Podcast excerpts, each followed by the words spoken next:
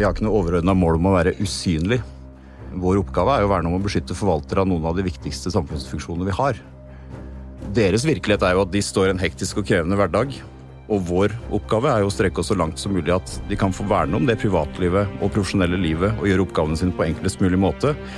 Uten å bli unødig påvirka eller forstyrra av andre. Eller oss, for den saks skyld. På innsida av Politiets sikkerhetstjeneste. Spionasje, etterretning og hemmelighold. Terror og ekstremisme. Trusler, sikkerhet og beskyttelse. PST håndterer de mest alvorlige truslene mot landets sikkerhet. Vi skal ivareta demokratiet. Men hvordan jobber landets sikkerhets- og etterretningstjeneste? Og hvem er menneskene som jobber her? Vi inviterer deg nå med Pst på innsida. Vi har i tidligere episoder snakket med mange ansatte i PST som ikke nødvendigvis er så lett å få øye på, enten de befinner seg på et kontor, eller de har en jobb der hele poenget er å ikke bli sett. Denne gangen har jeg med meg to ansatte som er litt mer synlige, nemlig to ansatte fra livvaktseksjonen. Atle og Mari. Dette er Pst på innsiden av et PST. Jeg heter Martin Bermsen. De fleste livvakter, eller egentlig alle operative livvakter, har en politiutdanning som bakgrunn. Og La oss begynne med deg, Mari. Kan ikke du fortelle om din vei inn til PST? Det kan du gjøre, vet du, Martin. Jeg er ei bondejente fra Elverum. Der er jeg vokst opp med å bære høyballer og spille håndball. Jeg hadde ikke noe tro på at jeg kunne bli politi eller komme inn politi på Politihøgskolen, men det gjorde jeg. Og på skolen så skjønte jeg fort at det var det operative politiarbeidet som var min greie. Fra POS så dro jeg opp til Kjøllefjord, en bitte liten plass i Finnmark videre til Kirkenes. Og i Kirkenes så fikk jeg bygd kompetanse på forskjellige områder. Uh, studentveileder og var med i UH, som vi kaller uh, utrykningsenheten. Og der la jeg da grunnlaget for å kunne søke grunnkurs livvakt. Mm. Hva med deg da, Atle? Kan du si litt om deg selv? Ja, jeg heter uh, da Atle, og jeg har også stilling som operativ livvakt. En stilling jeg har hatt i ti år. Eh, for øyeblikket så sitter jeg i funksjon som det som kalles for avsnittsleder. Som vil si at jeg har eh, personalledelse for eh, sånne livvakter som Mari her. Og de her livvaktene de utfører sin tjeneste på daglig basis og til alle døgnets tider. Når det gjelder min bakgrunn jobbmessig, så er den fra politi og forsvar, hvor jeg også har utdanning. I tillegg så har jeg tatt noen sivile sikkerhetsstudier ved siden av jobb. Og jeg jobba med fagfeltet her i nærmere 20 år i forsvar og politi, både mye innenlands og utenlands. Eh, når det gjelder veien inn til politiyrket og livvakttjeneste, så er det egentlig en kombinasjon av litt tilfeldigheter og litt eh, eh, fravær av tilfeldigheter, egentlig. For jeg tror relativt tidlig i barndommen så identifiserte jeg nok i mitt liv, uten at jeg klarer helt å pinpointe når, at det var politiet jeg skulle bli. Så det var egentlig ganske klart for meg omgivelsene i relativt tidlig ungdomsåra. Eh, når det gjaldt livvakttjeneste som fagfelt, så var det noe jeg ble introdusert for i Forsvaret i forbindelse med en deployering til eh, Balkan, Kosovo, eh, hvor jeg endte opp i et multinasjonalt livvaktteam der. Nettopp. Før vi begynner å komme litt mer inn på hva, hva livvakttjenesten er, og hvordan det er å jobbe som livvakt, så har det jo skjedd en del ting i PST da det siste halvannet året. Dere er blitt flere, Atle. Hva er det som har, det som har skjedd? Jo, det er en spennende tid for uh, vårt fagfelt. Og um, kort oppsummert så er det jo det at uh, vi har fått inn det som tidligere var regjeringens biltjeneste og Den kongelige politieskorte inn i PST. Uh, og det her er jo enheter som vi har vært vant til å jobbe tett og godt med før. Men nå med at de integreres i vår organisasjon, så åpner jo det for mye muligheter og fjerning av en del barrierer som gjør at vi kommer til å få et mye bedre, tettere samarbeid framover og kan evne å løse et eh, større og bredere samfunnsoppdrag på en mer profesjonell måte. Så det er veldig spennende tider for vårt virke, og vi gleder oss til fortsettelsen for å bygge vår utvikling og profesjonalisere det vi holder på med, i et større forstand. Oskar 300 vitenskaper, kan du bare holde igjen litt? Da det er avlastning, avgang på Oscar Oskar 33. Men eh, la oss begynne med det. Starte litt med noe åpenbart. Hva, kan ikke du si hva livvaktstjeneste er for noe? Jo, og du vet det, Martin, at når du stiller det spørsmålet til oss som holder på med det, så kan du jo få et så komplekst og langt svar du vil. Men jeg tenker at eh, det fornuftige er å beholde et enkelt utgangspunkt. Og livvakttjeneste handler jo om å verne om eller eh, beskytte noen. Og i tradisjonell forstand så snakker man da gjerne om å beskytte om å verne om mot fysiske trusler eh, eller angrep. Og for vår del så er jo det her et tiltak eller en arbeidsmåte som bidrar til å ivareta sikkerheten til de vi har ansvar for. Men det er bare ett av veldig mange eh, arbeidsverktøy eller tiltak som kan brukes av politiet og PST. Det er jo det vi ofte omtaler, i hvert fall når jeg snakker med media, som spør f.eks. for eksempel hva eh, hva slags sikkerhetstiltak er det rundt eksempel en eh, statsråd, så er vi selvfølgelig veldig tilbakeholdne med å si det, men hvis man har da livvakt som tiltak, så er det litt vanskelig å skjule.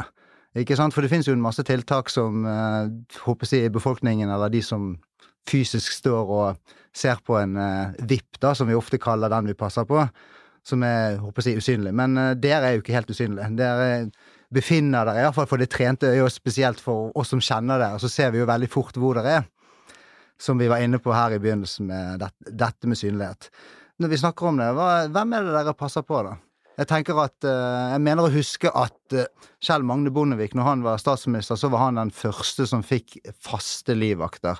Og siden da så har vel statsministeren i Norge hatt livvakt eh, fast. Politiet og PSTs ansvar, det er jo å beskytte og verne om de som kalles for myndighetspersoner. Og i en tidligere episode i den podkasten her, så var Olav, som er seksjonsleder i PST, og en tett samarbeidspartner av oss, inne på det her ganske grundig. Men det korte svaret er jo at myndighetspersoner, det er eh, medlemmer av kongehuset, av eh, regjeringen, eh, storting og høyesterett. Og det kan innebære i praksis at man utfører livvakttjeneste for myndighetspersoner, altså utenlandske myndighetspersoner som kommer inn til Norge, eller være med eh, norske myndighetspersoner også til utlandet. For dere er jo også begge to har jo vært en del i utlandet på oppdrag. Det er jo ikke bare sånn at dere passer på på myndighetspersoner i Norge. Og dere passer jo også på når det kommer uh, utenlandske myndighetspersoner til Norge, og da selvfølgelig ofte i samarbeid med andre livvakttjenester. Mm. Eller hva sier du, Mari, har du vært mye ute og reist?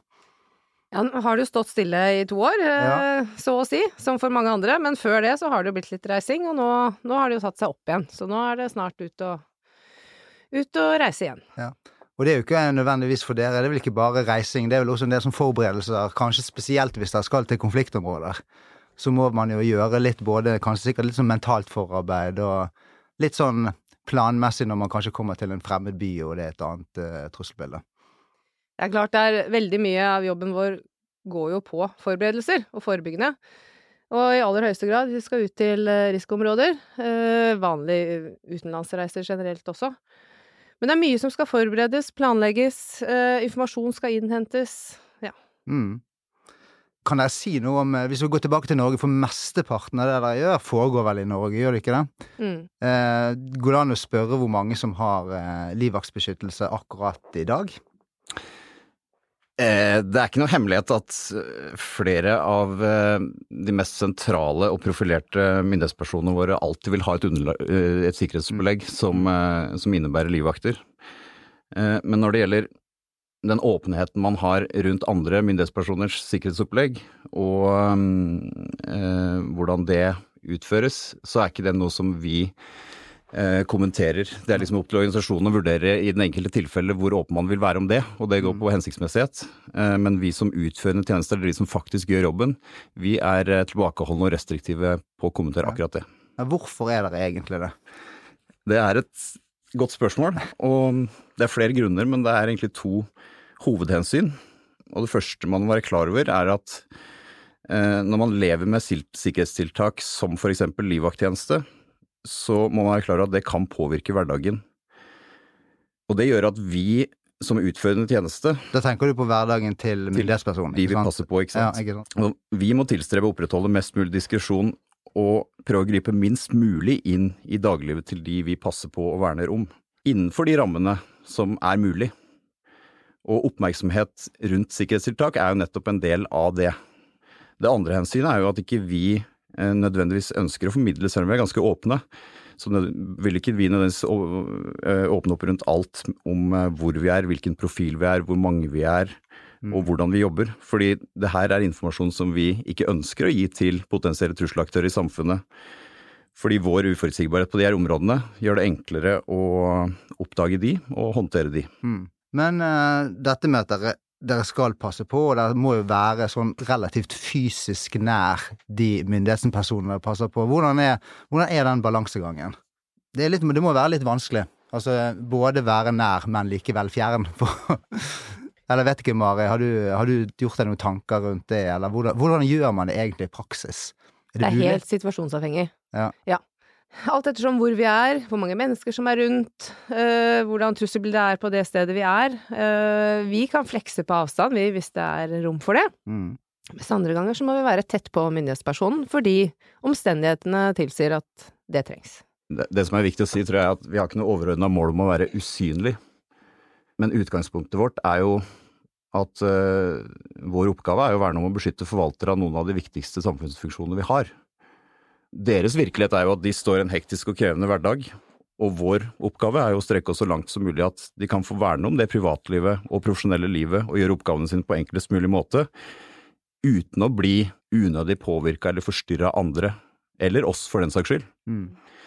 Eh, samtidig så er det ikke til å stikke under en stol at enkelte ganger så må vi ta plass, fordi at vi kan ikke tillate oss å gå på kompromisser på sikkerheten. Mm. Ja, kompromisset på sikkerheten. Når vi drev og forberedte denne podkasten, så, så snakket vi litt om det. Du hadde lyst til å si noe om dette med og Du kan jo ikke sørge for at alt er sikkert hele tiden. Og du har jo, som jeg, jeg spurte deg, hva er det verst tenkelige som kan skje? Mm. Og så nevnte vi da den Serena Serena hoteller. For de som husker det, så var det jo da et angrep i Kabul når eh, Støre var der, og da var han sammen med et eh, livvaktsteam. Mm. Det var jo det dere sa, det var kanskje det verste. Som kan skje, da. Altså det er på en måte marerittet. For som ofte så går det jo veldig bra. Det er riktig, og det er, du er inne på et tema som, eh, eh, som er veldig viktig, og eh, som vi bruker mye i vår hverdag. Mm. Og det begrepet som det egentlig omhandler, det er jo, det er jo risiko. Og i en ideell verden så er det jo gjerne sånn at det vi alle tenker, at det vi gjør og driver med skal være helt sikkert, eller helt trygt. Eh, Det er gjerne å være sånn og en av oss tenker, men det er jo et resultat av at vi forenkler hvordan virkeligheten egentlig er. Men tenker vi litt etter, så finner vi ut at verden er jo egentlig ikke sånn for noen av oss, ikke for deg, og ikke for meg, eller ikke, ikke for Mari. Ja. Fordi bare ved det å være menneske, at du lever og puster, så er du allerede der utsatt for et uendelig antall farer og trusler. Eh, Det kan være sykdom, naturkatastrofer, krig, pandemier, eller øksemordere i skogen, hvis du vil bruke sånne eksempler. Ja, Og, og noen av de tinga her er jo realistiske, og andre mindre realistiske. Og noen av de tinga her bruker du kanskje mye tid og energi på å tenke på og kanskje gjøre noe med for å unngå. Mens andre så har du godtatt og akseptert. Mm. Og de her farene og truslene, de gjelder jo også de vi passer på og verner om. Men myndighetspersoner har også gjerne en tilleggsrisiko, fordi det finnes krefter i samfunnet som for eksempel ønsker å skade, true eller påvirke de, presse de. Og det er den delen av risikobildet som vi kaller det, da, som vi er på jobb for å håndtere. Og når vi jobber ute, så kan ikke vi godta at den risikoen vi snakker om her er uansvarlig eller utenfor det vi vil kalle det akseptable. Og er den det, ja, da må vi finne en måte å gjøre den risikoen akseptabel på. Men i det å oppnå en akseptabel risiko, så må man heller ikke bygge murer som ikke trenger å være der. Fordi det aller enkleste ville jo prøve å hele tiden operere mot en risiko lik null. Og det kunne vi gjort hvis vi hadde tatt en stor distanse til alle mulige trusler og farer, for så vidt. Men hensikten er tvert imot at de vi passer på skal kunne gjøre det de ønsker, og så må vi legge våre planer for at de klarer å gjennomføre det. Jeg tenker at hvis man fokuserer på at verden alltid skal være helt trygg og helt sikker, så blir fort den verden utenfor veldig fort utilgjengelig og veldig, veldig farlig. Og da ville vel kanskje Norge vært et land som vi egentlig ikke hadde likt å bo i, hvis vi var en total politistat og PST skulle vite absolutt alt som foregikk til enhver tid. Men eh, Mari, uansett hvordan man vrir og vender på det, så er jo livvakt en litt sånn spesiell jobb. Eh, litt fordi at det er jo ikke så mange som har det som yrke.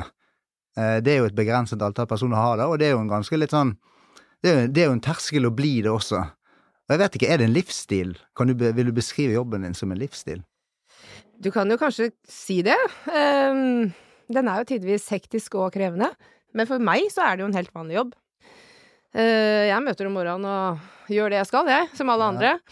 Men det er klart, det er jo visse krav til oss som uh, jobber som livvakter. Vi må jo alle være politiutdanna, for eksempel. Mm.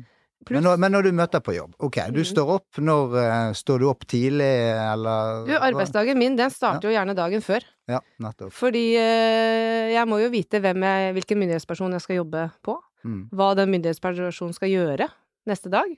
Det kan jo være om jeg må pakke med meg noe spesielt utstyr, eller hvordan vi skal, så enkelt som at hvordan vi skal kle oss. Mm. Så møter jeg på morgenen, eh, alt ettersom åssen tid eh, myndighetspersonen skal ut. Og da er det jo utstyr, både på kropp og i bil, eh, parole, hvis man får tid til det.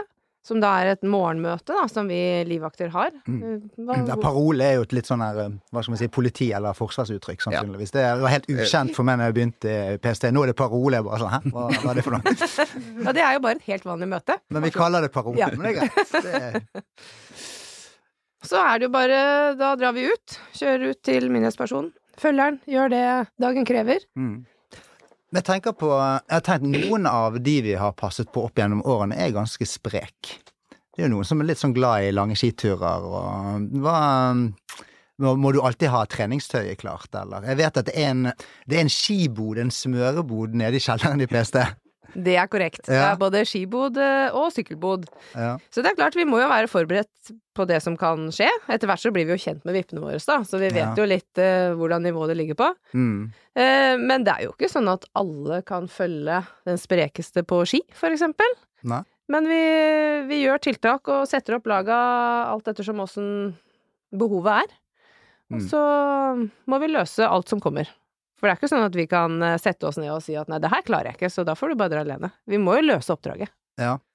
Kommer litt inn på dette med, med trening, altså, og krav. Det, det, jeg tror det er en del som lurer på det. Altså hva slags eh, fysiske krav eh, skal til. Ja, vi har jo årlige fysiske krav. Det er jo det som er litt spesielt med tjenesten vår. Vi må bestå en fysisk arbeidstest.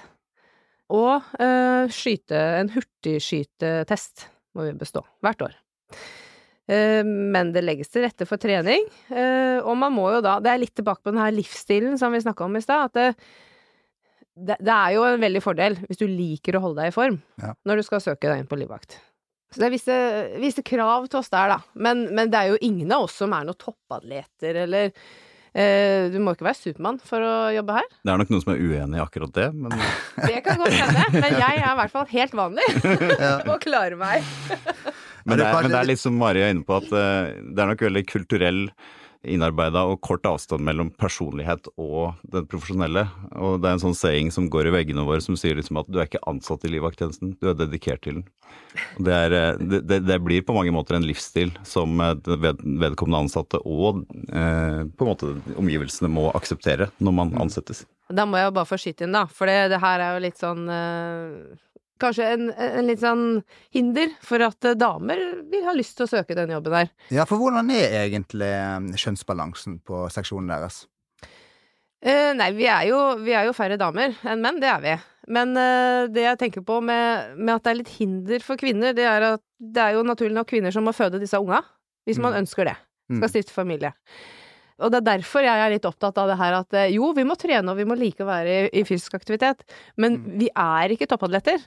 Og det er fullt mulig å få den tida du trenger til å komme tilbake etter å eventuelt i svangerskap, da.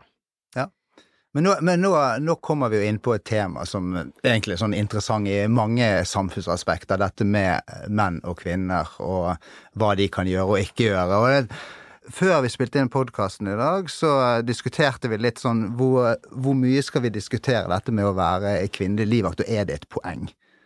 Og så hva, hva, hva tenker du, er det et poeng, og er det, skal man lage et nummer av det, eller er det, kommer det helt naturlig? Hos oss er det jo ikke et nummer i det hele tatt. nei, nei, det er jo det som er så fint med livvakt. Nå har jeg vært politi i mange år. Eh, Det er klart det er jo flere hinder underveis, men på livvakt så må jeg jo si at her har vi kommet veldig langt. Mm. Vi har alle det samme grunnkursutdanninga. Vi er selektert etter de samme kriteriene, og vi er livvakter, alle sammen. Det er ikke sånn at det er han eh, mannlige livvakta, og så har du hun kvinnelige livvakta. Men vi er, vi er én eh, masse. Mm. Eh, Men så skal jeg jo si, jeg har jo vært eh, på utenlandsreiser, eh, hvor det har blitt poengtert, selvfølgelig, at jeg er kvinne, og kanskje at jeg er ung, og ja, forskjellig. Men det skal også sies at jeg sjøl har eh, ja, hatt mine fordommer når jeg har reist ned til muslimske land. Hvor eh, jeg har fordommer og tror at jeg ikke kommer til å bli tatt alvorlig. Men det er stikk motsatt. De ser på meg akkurat som alle andre livvakter på laget. Mm. Så det kan gå begge veier. Jeg må bare stille meg bak eh, det som Mari sier her. Eh, hvis vi skal se oss selv litt fra utsiden, så må vi bare eh, erkjenne at vi, vi er en relativt homogen masse med ansatte som eh, langt på vei er forma i samme støpeskje. Og når det gjelder livvaktene våre, som jeg og Mari representerer, så er vi også forma gjennom mange støpeprosesser, f.eks. politiutdanning, gjerne Forsvaret og livvaktsutdanning osv. Og, så og det her er jo noe som er både bevisst og ønska og nødvendig. Men samtidig så tenker jeg at det er viktig å være klar over at med homogenitet så kommer det alltid noen fordeler og utfordringer. Og det tror jeg det er viktig for oss å være bevisst på. Og vi erkjenner det at vi trenger mangfold på mange områder i eh, vår tjeneste. Derfor har vi veldig eh, har vi også mange ansatte hos oss med annen bakgrunn, kompetanse og perspektiver som understøtter vårt virke. De er helt uunnværlige ressurser for oss. Og vi er også avhengig av en kjønnsmessig eh, mangfold. Og selv om vi har kvinner som jobber hos oss, så trenger vi flere. Og som Mari sier, så når du har passert det nåløyet og blir livvakt, og der er det mange om beinet, så er du ikke en kvinnelig eller mannlig livvakt hos oss. Da er du livvakt med alle de ressursene du besitter. Og vi har flere damer hos oss som er både tøffere og sterkere enn flere av gutta. Men det å være en god livvakt handler om mye mer enn det å være tøff og sterk. Det viktigste ressursen hos de som jobber hos oss som livvakter, det sitter i toppetasjen og mellom øra. Ja, men da, Det var jo ganske sånn klare, klare meldinger fra dere to, så da kan vi sånn sett forlate det temaet. Men jeg, jeg, jeg har lyst til å komme litt Jeg tenker på dette med livsstil og dette med identiteten til å være politi. Det har jo jeg selv opplevd. Jeg har vært sammen med politifolk på fritiden, og så skjer det en hendelse, og så går de rett i, rett i politimodus selv om de ikke er på jobb. Og Mari, jeg vet at du har noen historier hvor eh, livvakter, håper jeg å si, eh, ikke har vært på oppdrag, men de har kommet over noe kriminalitet som de sånn sett eh, kanskje ikke, klarer å la være å stoppe. Hva har, har, har dere noen rutiner på det, eller hva hva er på en måte hva er retningslinjene deres? Da får vi begynne med det litt sånn formelle. Kan dere gripe inn på ordinære politioppdrag som ikke handler om dette med å være livvakt? Altså, som sagt så er vi jo politiutdanna alle sammen. Ja. Har politimyndighet i kongeriket Norge til enhver tid. Eh, Og har jo også en plikt til å gripe inn i, i en gitt størrelse av eh, kriminalitet, da, selvfølgelig. Mm. Men så er det jo liksom den støpeskjea som Atle snakka om, at eh, vi er politi. Det er identiteten vår. Vi ønsker å hjelpe folk. Vi ønsker å stoppe kriminalitet og ja. Eh, Men det er jo ikke sånn at vi til enhver tid kan gripe inn verken når vi er på jobb som livvakter eller privat. Man må jo ha rom og mulighet for å gripe inn, hvis det skal være aktuelt. Og samarbeidet vårt med politiet, det, ut- der har vi et veldig veldig tett relasjon og samarbeider hver eneste dag. Eh, Og vi nyter veldig veldig godt av det politiet støtter oss med. Mm. Og da skulle det bare mangle at ikke vi trår til når de trenger oss. Eh, Og der kommer man inn i en balansegang, fordi at de beste til å løse politioppdrag, det er det ordinære politiet. Men selvfølgelig, hvis vi er i en posisjon på et tidspunkt Hvis dere fysisk er i nærheten av ja, og kan bidra, så selvfølgelig så støtter vi eh, våre egne mm. kolleger når vi kan. Mm. Men eh, det, er- det, det er en historie som i hvert fall er Jeg, jeg tror ikke den nødvendigvis er kjent i offentligheten, men i hvert fall kjent i PST. Eh, da, det var en hendelse med en livvakt. Kan ikke du eh, fortelle litt om det? vi har, eh, vi har Det var en hendelse det er av flere, for, for så vidt. Men eh, det skal først sies at den eh, livvakta her, han er både ekstremt dyktig livvakt, ekstremt dyktig politimann. Eh, ja, han er eh, høyt dedikert eh, og flink på alle områder, må jeg si. Men han eh, livvakta, da, han hadde vært på jobb, hatt treningsuke. Mye nærkamptrening den treningsuka. Ja. Så måtte han til frisøren, hoppa på sykkelen, sykla ned, setter seg i stolen og sitter der bare et par minutter, så kommer det to maskerte menn inn, hvor han ene da har en pistol i hånda. Og han med pistolen roper 'få penga', og skal ha penga av frisøren.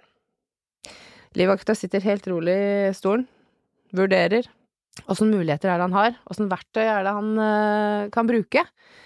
Eh, dette er en eh, handlekraftig, omstillingsdyktig person. Han vurderer pistolen som han ser gjerningsmannen har i hånda.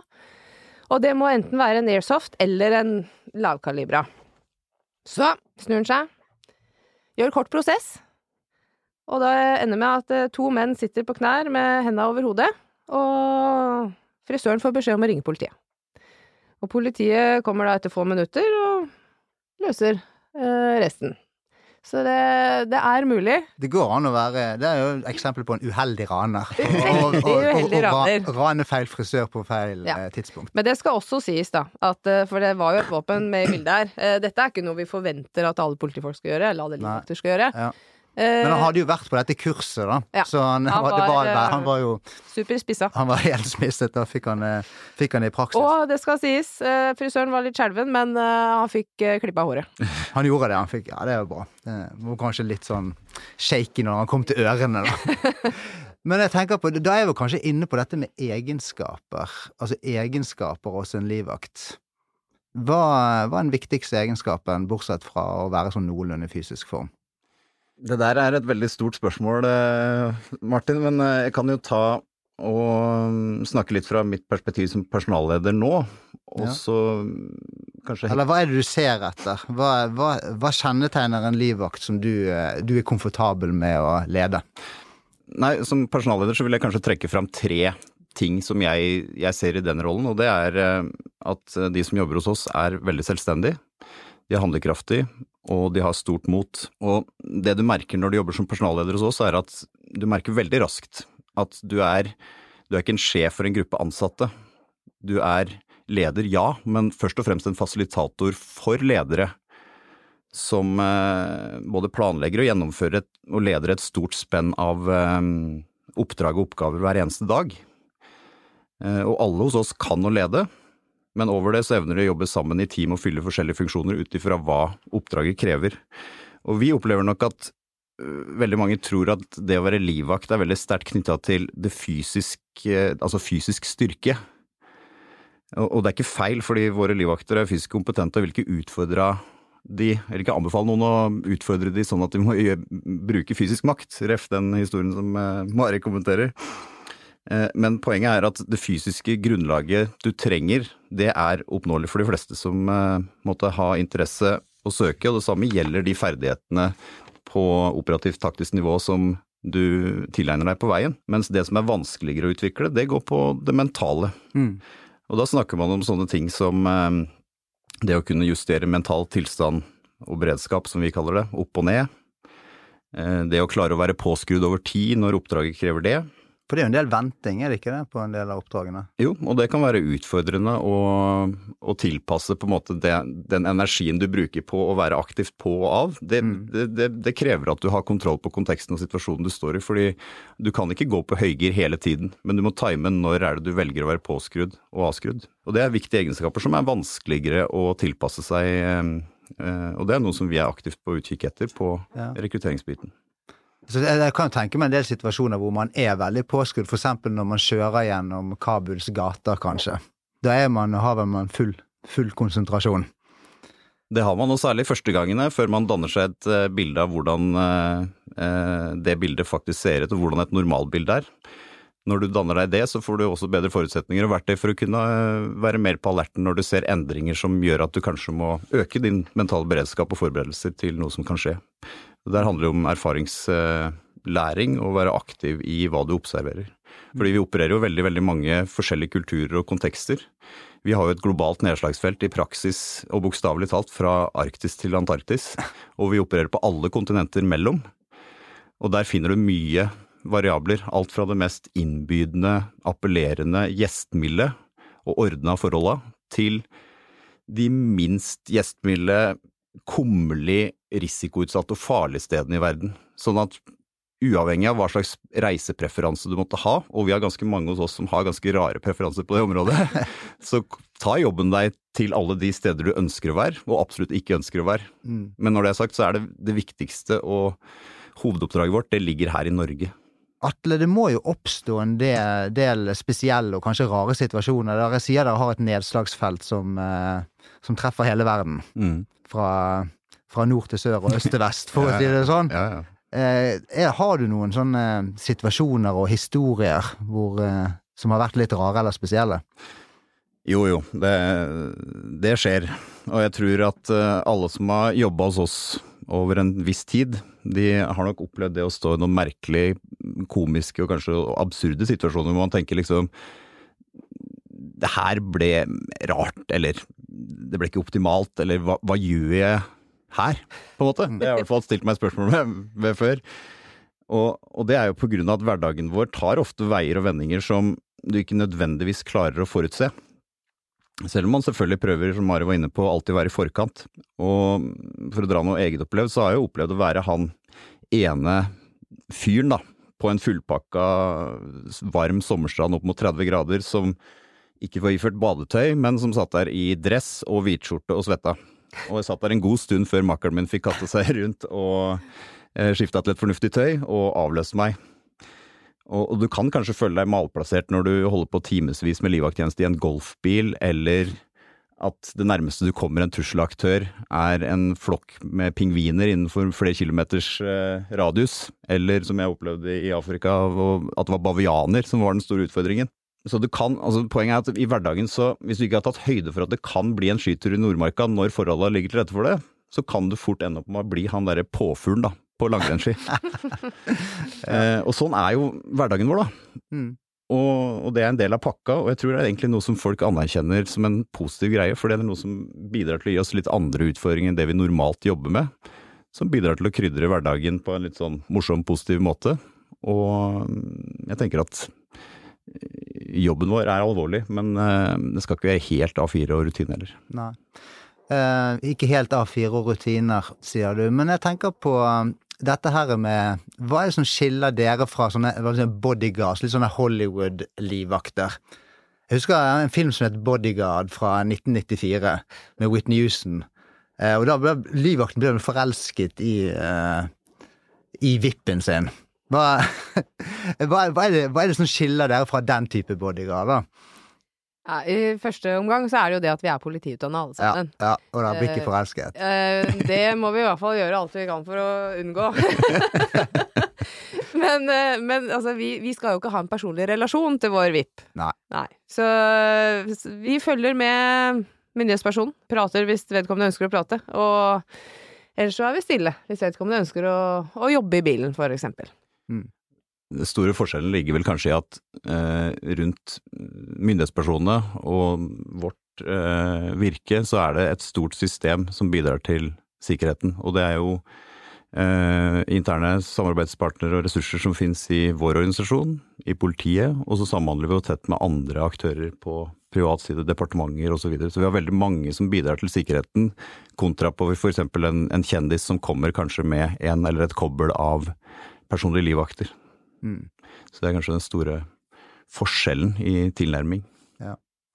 Nei, men det er jo det er, Jeg tenker at dette med å, med å gi de rommet, men når man da sitter på et fly i åtte timer, så er det jo kanskje litt rart å ikke si noen ting også, tenker jeg. Altså, jeg av og til så har vel dere med Altså, det er journalister som kanskje følger med politikere, for det er jo ganske mange ganger kan tenke meg at eh, at eh, Altså, en statsråd, for eksempel, reiser jo ikke alene. Det er jo et eh, Det er jo noen med, og kanskje det er journalister med. Hva slags forhold har dere til journalistene? Er de, eh, er de, eh, er de plagsomme? Stiller de vanskelige spørsmål, eller er dere på en måte Vi har jo egentlig ikke så mye med de Nei. journalistene å gjøre. Nei. Men selvfølgelig, de er der, og det vet vi. Og, og da er det jo bedre å spille på laget med dem Mm, enn å prøve å skyve det unna. Mm. For de skal gjøre sin jobb, og vi skal gjøre vår jobb. Så min erfaring er i hvert fall at det er bedre å ta kontakt med de og prøve å, å finne en middel vei, da. Sånn at eh, vi får gjøre våres eh, Får gjort vår jobb, og de får stilt sine spørsmål og tatt bilder. mm. Mm. Og ellers så er jo rådgivere, de er jo en ressurs for oss. Eh, Det er jo lettere Det er jo mindre mm, inngående for oss å spørre en rådgiver hva planen er videre, enn å gå til myndighetsperson sjøl. Mm. For den vedkommende skal jo gjerne være fokusert på sitt arbeid. Men eh, hvis dere drar til et konfliktområde, hvordan er det hvis, eh, hvis en VIP da vil gjøre noe som dere eksempel vil dra inn i et område som man eh, anser som har veldig høy risiko? har det vært episoder hvor dere har sagt nei, her får du ikke lov å dra? Har det skjedd? Ja, det kan skje, og det er jo litt tilbake til det vi snakka om tidligere, at vi må hele tiden operere på en lest som ligger innenfor den akseptable risikoen. Mm. Og der er jo vi en grensesnitt mellom at det er et overordnet oppdrag som skal gjøres, f.eks. at Norge skal dra til et område og representeres, eller utføre for, møter eller eh, forhandlinger, eller hva det måtte være, mens vi må fokusere på det sikkerhetsmessige aspektet. Og der kommer man i, i grensesnitt som vil utfordre hverandre. Og det er jo en del av den jobben eh, som livvakt som er utakknemlig. Du må kunne eh, bevisstgjøre og rådgi, eh, selv om ikke nødvendigvis de eh, rådene er populære hos de man samhandler med. Mens vi har vært inne på litt dette med komiske situasjoner, som du snakket om i sted. Eh, men gjør, gjør vippene Driver de med noen eh, driver, driver de med noe eh, komisk? Når man jobber som livvakt, så kommer man jo tett på de menneskene man eh, jobber med. Og jeg tenker jo, heldigvis, så opplever jo de her myndighetspersonene også situasjoner eh, som er både komiske og morsomme. Men spørsmålet ditt, som er såpass konkret, det liksom, penser litt inn på vår diskresjon og eh, egen rolleforståelse. Og, og det går på det at selv om Mari eller jeg opplever eller ser ting på jobb som det kunne vært veldig fristende å servert som en god historie over lunsjen eller eh, middagsbordet, så, så er det her noe vi ikke kan tillate oss å formidle en gang til egne kolleger. Eh, og grunnen til det er at det ville vært et tillitsbrudd overfor de vi passer på. Fordi de må vite og føle at de kan leve livet sitt uten å få det gjengitt og utlevert av oss i ettertid. Og Derfor så tenker jeg at det finnes helt sikkert veldig mange gode historier blant eh, de som jobber hos oss, som eh, egentlig hadde vært verdt å servere, men de vil aldri bli fortalt. Vi har jo snakket om dette med at eh, for å bli litt sånn veldig overordnet, da. Man snakker om at PST skal eh, verne om demokratiet. Føler dere, Mari, føler du at du er med og verner demokratiet? Det er jo klart jeg gjør det. Mm. Det er jo spørreundersøkelser på Stortinget som eh, sier at uh, politikere slutter i ung alder på grunn av eh, trussel og hets. Mm. Det er jo skremmende for demokratiet Norge, det landet vi ønsker å bo i. Mm. Det kan virke litt sånn fjert når jeg går på jobb og gjør mitt daglige virke, i forhold til eh, de som kanskje pågriper en gjerningsmann, eller etterforsker overgrep mot barn, for eksempel. Mm. Men det er jo, hvis du ser i det store bildet, så er det her en viktig jobb for å sikre vårt samfunn. Ja, og det er i hvert fall en, eh, det er i hvert fall en viktig del av eh, PST, og som vi sa innledningsvis, at nå blir vi jo sånn sett enda flere med biltjeneste som den kongelige eskorten. Men uh, hva tenker dere om, uh, om fremtiden, da? Vi, vi, har, vi har sett en litt sånn bekymringsfull utvikling, spesielt det som går mot hets mot uh, politikere. Men samtidig så har vi jo hatt Vi har jo ikke hatt sånn veldig alvorlige episoder i Norge. Men har dere merket noe forskjell de siste årene, eller er det Når man jobber med et fagfelt på daglig basis, så er det fort å bare tenke at ting i dag var som i går. Men jeg tror det er Man skal være varsom med å konkludere med, med den tilnærmingen. Fordi eh, det overordna, altså konteksten rundt oss og trusselbildet i verden og i Norge, den er i endring. Og det påvirker eh, oss. Det er bare at dryppene kommer såpass i små grad at det er vanskelig å ta inn over seg. Men ser man tilbake i tid på hvor vi var for 20 år siden som tjeneste, og hvor vi var som samfunn, så tenker jeg at det er bare å følge med på utviklingen. Og det er bare å se på de siste ukenes utvikling globalt, og hvor sammenvevd og eh, altså verden er, og hvor fort endringer skjer her pga. andre steder.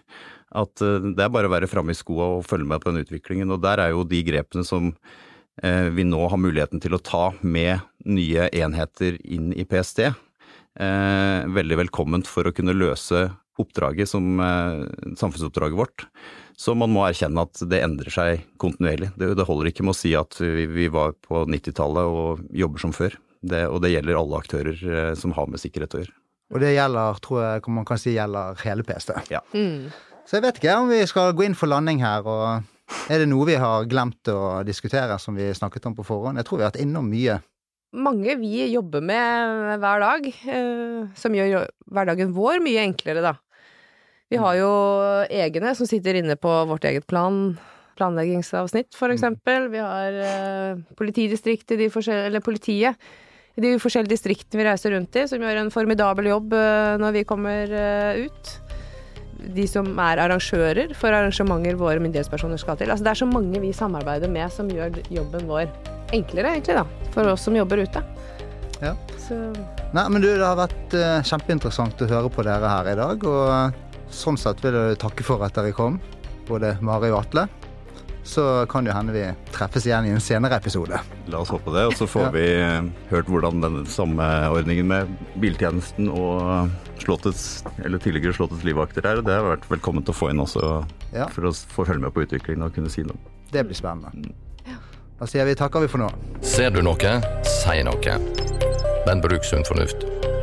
Kontakt oss på pst.no.